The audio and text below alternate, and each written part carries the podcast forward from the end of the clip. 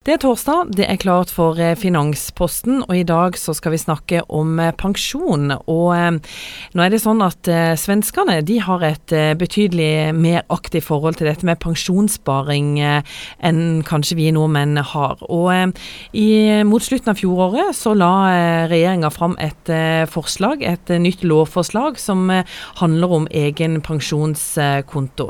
Liv Kjær, du er seniorrådgiver for bedriftsmarked i DNB. Og um, hva er det egentlig som skiller oss og svenskene, for å ta det først? Ja, altså svenskene har jo en lengre, lengre, erfaring og mer erfaring med å ta akt, aktiv del i sin egen pensjonssparing. Eh, og nå kommer jo dette for fullt. Vi har jo hatt innskuddspensjon en del år.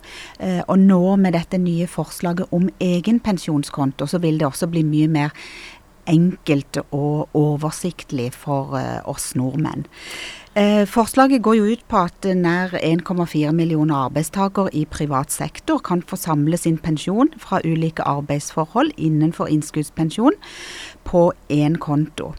Det gir arbeidstakere mer pensjon for pengene, fordi forvaltninga blir mye mer effektiv enn om man skal ha en aktiv innskuddsordning hos arbeidsgiver, og kanskje flere forskjellige pensjonskapitalbevis som man får om man har hatt tidligere arbeidsgivere som har spart til innskuddspensjon. I tillegg så går forslaget ut på at man også kan eh, sette inn annen privat sparing, sånn som IPS og IPA fra gammelt skatteregime, som har samme skatteregler som innskuddspensjon, der man skatter av pensjonsmidlene ved uttak eh, som alminnelig inntekt, eller som, som inntekt.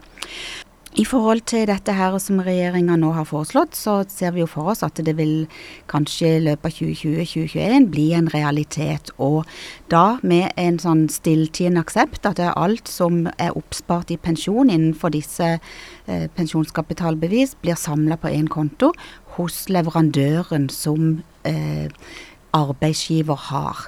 Men så gir det noen valgfriheter videre. Ja, for, eh, for, oss som arbeidstakere, hvilke valg gir det, og hva slags valgfrihet får en? Ja, um, det med at det blir samla, eh, det, det, kan det gjøres. Og det legges opp i, i lovforslaget til et sånn stilltiende samtykke. Men den ansatte kan også motsette seg hvis de har noe imot å, å, å samle og, å flytte disse. Eh, lovforslaget legger også opp til at de kan velge egen leverandør. De blir ikke tvunget nødvendigvis til å velge den som eh, arbeidsgiver har valgt. Eh, og det, det, betyr jo at det er veldig store valgmuligheter her.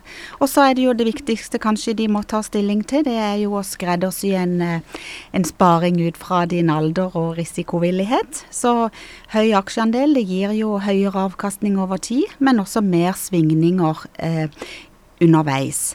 Lav aksjeandel det gir mindre risiko for tap, men også lavere forventa avkastning, og da lavere forventa pensjon. Så det er noe den enkelte bør ta et mer aktivt eh, ja, valg på.